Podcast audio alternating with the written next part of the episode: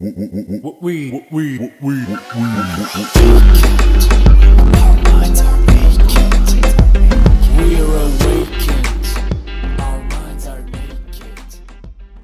Pozdrav svima, ja sam Martina Đokić, a vi slušate podcast Mentalni nudista. Nalazimo se u epizodi broj 18 i ovu epizodu vam snimam ja kao zvanični polumaratonac, odnosno polumaratonka. I ko me prati na Instagramu zna da sam ovu nedelju istrčala polumaraton u Santa Cruzu na Tenerifima i to je za mene trenutno onako jedno veliko dostignuće koje me jako ispunjava, jako raduje, jako mi mijenja recep, percepciju mene o meni, zato što opet za one koji slušaju ovaj podcast duže znate da ja nisam sebe smatrala sportistom do ove godine, čak što više imala sam jako mnogo kompleksa i nesigurnosti kada je u pitanju moje tijelo, moja sposobnost za sport – A ove godine se sve promijenilo i evo dođuh ja do polumaratona i baš, baš, baš sam ponosna i srećna. I uh, kada sam kretala na Tenerife gdje sam znala da ću provesti skoro mjesec dana i da ću neki dio to vremena provesti sa prijateljima obilazeći Tenerife, razmišljala sam o tome da snimim epizode unaprijed i da ih pustim, da uh, prosto da ih zakažem pa da iz- izlaze. Međutim, e, shvativši da ću među vremenu da ostvarim jedan meni važan cilj, odlučila sam da s tom energijom snimam. Da, da, da, znači ne snimam ništa unapred, nego da tu energiju investiram u nove epizode. Tako da evo mene s tom energijom u ovoj epizodi. I baš mi je ovo što se desilo, odnosno što, što sam postigla, inspiracija da podijelim sa vama o tome kakvi to putevi do cilja mogu da budu i mora li biti teško, naporno, komplikovano, na mišiće, na silu i tako dalje. I uh, tako da će ova epizoda najviše da govori o tome, o tome kako mi zapravo, da li, da li i kako sa lakoćom možemo doći do velikih ciljeva. I ja sam neko ko nije vjerovao da je to moguće i neko sam ko je uh, e, veći dio svog života proveo e, s ponosom noseći težinu svega što sam proživjela i s ponosom i, i pohvalom gledajući na sve teške puteve kojima sam ja prošla. I baš mi je bilo onako uvijek važno da istaknem težinu života koju sam živjela i da negdje ovaj i pokažem to koliko, koliko je muke uloženo u sve što sam ja stvorila. A onda se negdje umeđu vremenu desila promjena moje percepcije života i promjena moje percepcije šta znači rasti. I po meni rasti ne znači ostvarivati velike rezultate, rasti sada u mojim očima znači znati sa lakoćom postići sve što ti je važno. Nekako mi se potpuno promijenila ta inteligencija života, odnosno šta ja smatram inteligencijom života. Znači nije samo postići sve, ali postići na mišiće, dati zdravlje, za to vrijeme, život i tako dalje, nego aj sve ti to postigni, ali postigni dok si gospodar svog vremena, dok uživaš u svom putu, u svom životu, u svojoj svakodnevici. E, to mi je nekako postalo ovaj, e, nova, nova neka, da kažem, ideja, da znači biti ono, sa ozbiljnim nekim širokim mindsetom u ovom životu. I prije par mjeseci upoznala sam jednog momka ko, s kojim sam negdje putovala i kad smo se drugi put negdje sreli i razgovarali, ušli smo malo dublje u neke životne priče i on mi je tada rekao da, kad, ispitivao me o mojoj životnoj priči, većinu onoga što ste vi već čuli u ovom podcastu sam ja njemu ispričala, i on mi je tada rekao da ima potpuno drugačiju percepciju mene, odnosno da me, ja sam pitala koju, pa kao bolje da si ne kažem, pa rekao, ajde reci mi šta je. I je tada rekao da mene, ono, da, da me zamišljao kao princezu kojoj su roditelji dali novac i ona sad ide okolo i ono, troši te pare i smišlja gdje će da otvori koju firmu i u kom gradu će da živi. I meni je to tako fenomenalno bilo kada sam shvatila da me tako percipira, zato što mi je to zapravo reklo da je iz moje mog predstavljanja mene i mog predstavljanja svega što sam uradila nestala neka težina. Odnosno sam prestala da se kitim težinom koju sam podnijela za sve što sam uradila i da sam zaista postala osoba koja sa lakoćom predstavlja svoje neke uspjehe, s tolikom lakoćom da se nekom čini da mi je to poklonjeno. I um, jako sam srećna što sam to uspjela A e, kako je to sve veze ima s ovim polumaratonom? Pa s tim što ja vama moram reći da je ostvarenje ovog cilja meni bilo prilično lako. Znači, ne, ne da nije bilo kriza, ne da mi nismo usput po, ono, počeli da kukamo, da je mene nažuljala čarapa na jednom mjestu, mog druga nažuljala noga, drugaricu boljelo koljeno, znači E, nije da nije bilo jako izazovnih trenutaka, ali gledajući uopšteno, dolazak do ovog cilja je bio tako ispunjen uživanjem u svakom tom momentu da sam ja nekako, mislim da je ovo prvi cilj koji sam od početka do kraja ostvarila s potpunim uživanjem u procesu Što je takođe za mene jedan veliki pomak, zato što sam ja neko ko se uvijek hvalio time kako prvo skoči pa uči da pliva. Znači prvo skočim u vodu pa se onda malo davim i gledam kako ću da ispadam i onda tako učim da plivam. I naravno to uvijek podrazumijevalo da dosta ciljeva koje pravim budu jako toksični prema meni, zato što se patim u procesu jer sam tako nekako uh, navrat na nos uletjela u nešto, A i drugo što mi se dešavalo često, ja sam se mnogo ponosila time s koliko mukom postižem stvari. Jer sam negdje nosila u tom svom genetskom kodu, kao i dosta Balkanaca, tu ideju da ta muka i težina zapravo govori koliko je važno to što radim. I, I onda mi je bilo važno, znači ako se ja nisam napatila, to nije dovoljno nekako respektabilno, jeli? I onda sam uvijek tako išla ka svojim ciljevima s nekom velikom patnjom. E sad kako sam vam već rekla za, za to da sada posmatram drugačije malo inteligenciju života, tako vam sada sa ponosom pričam da sam do svog velikog cilja došla sa lakoćom. I kako to sa lakoćom? Pa tako što sam puno više radila na svojoj inteligenciji puta do tog cilja, puno manje na mišićima, odnosno ko je upratio, a pričala sam o tome u prethodnim epizodama nekim tamo u prvoj sezoni, Ja sam ove godine gradila u sebi identitet sportiste, mentalno, emocionalno, na nivou uvjerenja sam mijenjala svoju percepciju toga koja sam ja u polju sporta, šta ja to mislim o sebi, kako se ja to ponašam prema sebi kad je u pitanju sport i tako dalje. Da sam počinjala ove godine da treniram, znala sam da u meni nema istrajnosti i discipline koja će me zadržati dovoljno dugo u tome, ali sam isto tako znala da sam neko kome, kad, ko kad ima podršku adekvatnu će istrajati. Tako da, hajde u stvari prvo da kažem opštu stvar. Ja sam na početku rada na ovom cilju procijenila št, kako sve mogu da taj cilj postignem, a da bude dobro, da bude lako, ne da bude lako, da bude lijepo, da bude suživanjem, da bude prosto dobro i lako, ajde, možemo reći lako. Kad sam počela da treniram, kao što sam rekla, znala sam da sama neću da ih pa sam uzela sebi ličnu trenericu, koja, s kojom kad se dogovorim da dođem na trening, ja ujutro kad ustajem nemam to da li ću ići. Znači, nečiji termin je bukiran da meni bude trener i taj neko, ne, ne mogu sad da ga ispali, moja profesionalna etika i poštovanje su takvi da ja dogovor poštujem, to je meni jako važna vrijednost i iskoristila sam tu svoju snagu i za sport, tako što ako nešto bukiram i dogovorim, ja to poštujem i nema dalje. I znala sam da ako takav princip primjenim u sportu, ja ću uspjeti. Drugo, meni je moja trenerica a, davala jako drugačije perspektive na mene, kao što ja kao coach pomažem svojim klijentima da vidim u njima potencijale i mogućnosti koje oni ne vide u sebi i da im o, pokažem i ogledam te, te njihove potencijale i mogućnosti i pomognem im da ih iskoriste i upotrebe i urade nešto s njima. E to je moja trenerica radila sa mnom, odnosno vidjela je nešto što ja ne vidim i time je meni mijenjala percepciju o mojim potencijalima i mojim kapacitetima. Tako da je i to jedan, da kažem, pristup koji sam upotrijebila, odnosno tražila sam pomoć.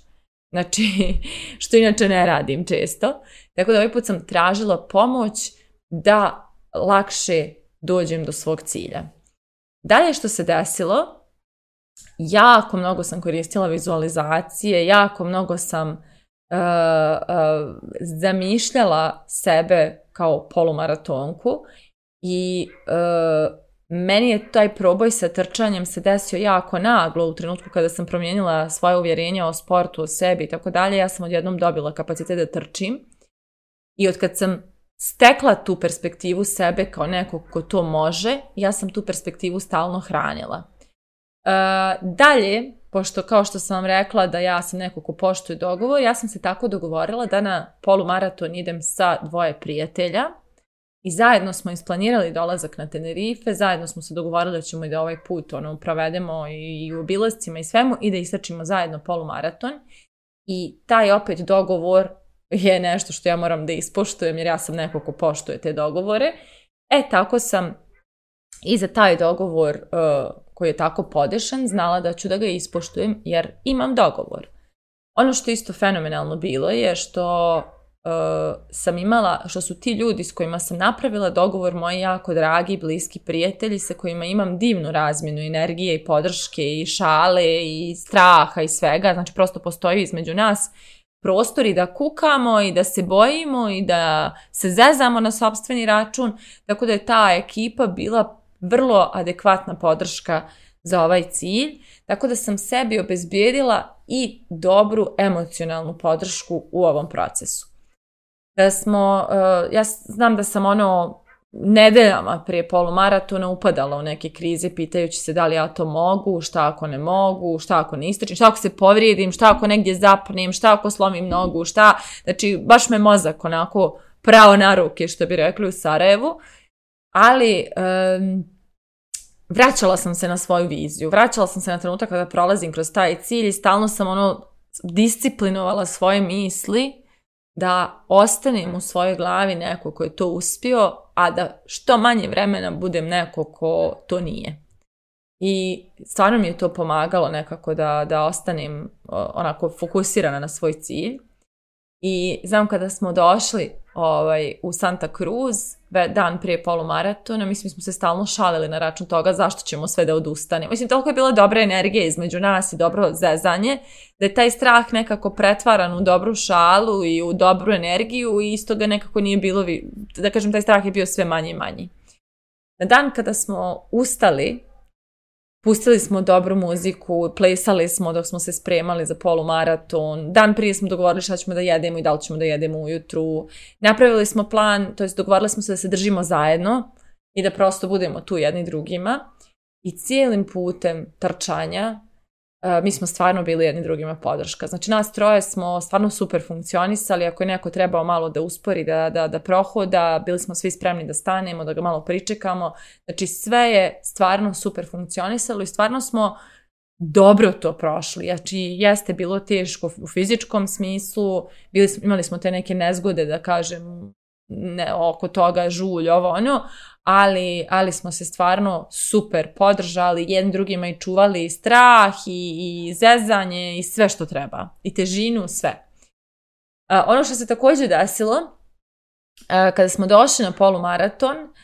a, ja nisam znala i niko od nas nije znao koliko uzbrdo ćemo morati da trčimo. I uzbrdica je nešto naj, što meni najteže pada u hodanju, a kamoli trčanju. I kada sam poslednji put e, u Banja Luci trčala da istreniram i naišla sam na uzbrdicu koja je bila znat, ono, debelo manja od ove koja je bila na polumaratonu, ja sam se uspaničila već pri, pri ideji da ću da se, da se, da trčim uz tu uzbrdicu i znam da sam toliko teško disala da sam jedva izgurala to da nastavim da trčim. A na polumaratonu uh, mislim da je bilo super što nisam znala da će biti toliko uzbrdo jer moja glava uh, bi mene već pripremila za to da ja to ne mogu. I onda je to super dio posla, eh, super, super neka, eh, ne, ne dio posla, nego super neki trik koji mogu da izvučem iz ovoga, koji sam ja i često koristila. Držite viziju na poslednjem trenutku kada ste uspjeli, a između će doći do nekih prepreka i doći do nekih nepredviđenih okolnosti koje vam nimalo ne prijaju, ali ako vam vizija i dalje ostane jasna oko toga gdje je kraj, šta taj kraj donosi, uh, izdržat ćete i te uzbrdice. Znači, mi smo stvarno, ja ne znam koliko smo, imali smo prvih 8 km je bilo trčanje po gradu, posle smo išli na magistralu pored mora, tih prvih 8 km ja više ne znam koliko je uzbrdica bilo, bilo je nekih stvarno ozbiljnih uzbrdica, ali nekako kad svaka prođe mi kažemo aj e, to i to neće više biti ni jedne, onda opet najde sljedeća, ali mi tu si odlučio si da uzmeš tu medalju, da postaneš ta osoba koja to može i ideš džaba, imaš tu viziju i nema odustajanja sada. I to je stvarno ono što je, što je nekako baš važna poruka. Znači, ja to radim sa klijentima često kad imaju neke teške izazovne životne situacije, i treba da zamisle željeni ishod. Ja ih uvijek odvedem u budućnost ono, par koraka nakon što se završio taj izazov, gdje su tada, kako se tada osjećaju, e to je i meni stvarno pomoglo u ovom polumaratonu da bude lakoće u tom putu, čak i kada su prepreke onako prilično ozbiljne u mojoj glavi. Tako da, eto, i to je nešto što je bilo fenomenalno. I ono što sam isto spojila u ovaj cilj, moja odluka je bila da trčim polumaratone po gradovima koje ne znam, ne poznajem i prvi put ih obilazim I samim tim sam dodala na taj put do cilja još jednu stvar koja mene može da za, raduje i ispunjava, to je razgledanje, ono, opčinjenost novim nekim stvarima koje prvi put vidim. I znala sam da ću time više i snage i volje da imam da pređem taj put, jer mi taj put sam po sebi zanimljiv. I time zapravo želim i da zaokružim ovu epizodu. Koliko puta mi sebi ne izaberemo zanimljiv put do cilja, ne izaberemo adekvatnu podršku, ne iskoristimo potencijale koje već imamo u sebi, kao što sam ja koristila tu ideju da ću da poštujem dogovor, jer znam da sam osoba koja poštuje dogovor. Znam da nisam pretjerano istrajna osoba u sportu, ali znam da sam osoba koja poštuje dogovor, pa sam se stalno oslanjala na tu snagu koju već imam, umjesto da sebe forsiram da prvo razvijem ovu koju nemam, pa nju upotrijebim. E znači koliko puta mi ne upotrijebimo nešto što već imamo, nego hoćemo na silu da razvijemo nešto što nemamo da bismo ostvarili cilj sa ovo što sam ispričala, tu je da vam zapravo pokažem da postoje lakši putevi do cilja. Samo mi često krećemo od ideje da mora biti teško i često mislimo da nam treba svašta nešto što nemamo da bismo ostvarili taj cilj, a zapravo u našem okruženju je toliko toga podržavajućeg, toliko toga iskoristivog da ne samo da ostvarimo željeni cilj, nego da ga ostvarimo uživajući u procesu i, i prosto oslanjajući se na neke svoje postojeće vrline i puneći dušu nekim svojim e, nekim stvarima koje nas već raduju, kao što je meni to istraživanje novih mjesta. Tako da, toliko je resursa oko nas za ostvarenje, za lakoću ostvarenja cilja, ali mi ih ne vidimo jer smo ili naučeni da uvijek mora teškim trudom i naporom da se dobije nešto veliko i važno ili volimo da nosimo taj krst težine kao dokaz da mi vrijedimo i da je to što smo uradili vrijedno. Ali tek kad se očistimo od tih načina za postizanje, zadovoljavanje sobstvenih potreba kroz, kroz težinu, tada i možemo da se okrenemo lakoće, odnosno kad kad smo spremni da kažem, da povjerujemo u to da postoji lakši put, mi ćemo taj lakši put i da vidimo. I da ćemo da uživamo u svakom koraku do tog cilja i svaki taj sadašnji trenutak će biti predivan, a ne samo taj krajnji ishod. I to je ono što sam ja isto shvatila tokom trčanja. Kada sam, ako na osmom kilometru razmišljam o tome da ih imam još 13, jako mi je teško. Ali ako na osmom kilometru gledam šta je lepo u tom osmom kilometru, meni je predivno i ja uživam u tom osmom kilometru. Tako da, to je cijela poenta. Ako nađemo lake puteve, lepe, inspirativne do svojih ciljeva, u svakom koraku ćemo uživati, svaki korak će nam donijeti lepotu života, a ne samo onaj poslednji koji, koji, za koji se toliko trudimo. I često se desi ako čak i pretjeramo sa težinom puta do cilja, da onda kada dođemo do cilja ne, ne, nemamo kapacitet ni da se radujemo, nego nam treba da se naspavamo i odmorimo od te tolike muke koju smo proživjeli. Tako da moje pitanje za kraj ove epizode je vidite li vi lake puteve do vaših ciljeva ili isključivo birate one teške? Mislite o tome, a mi se družimo u narednoj epizodi. We are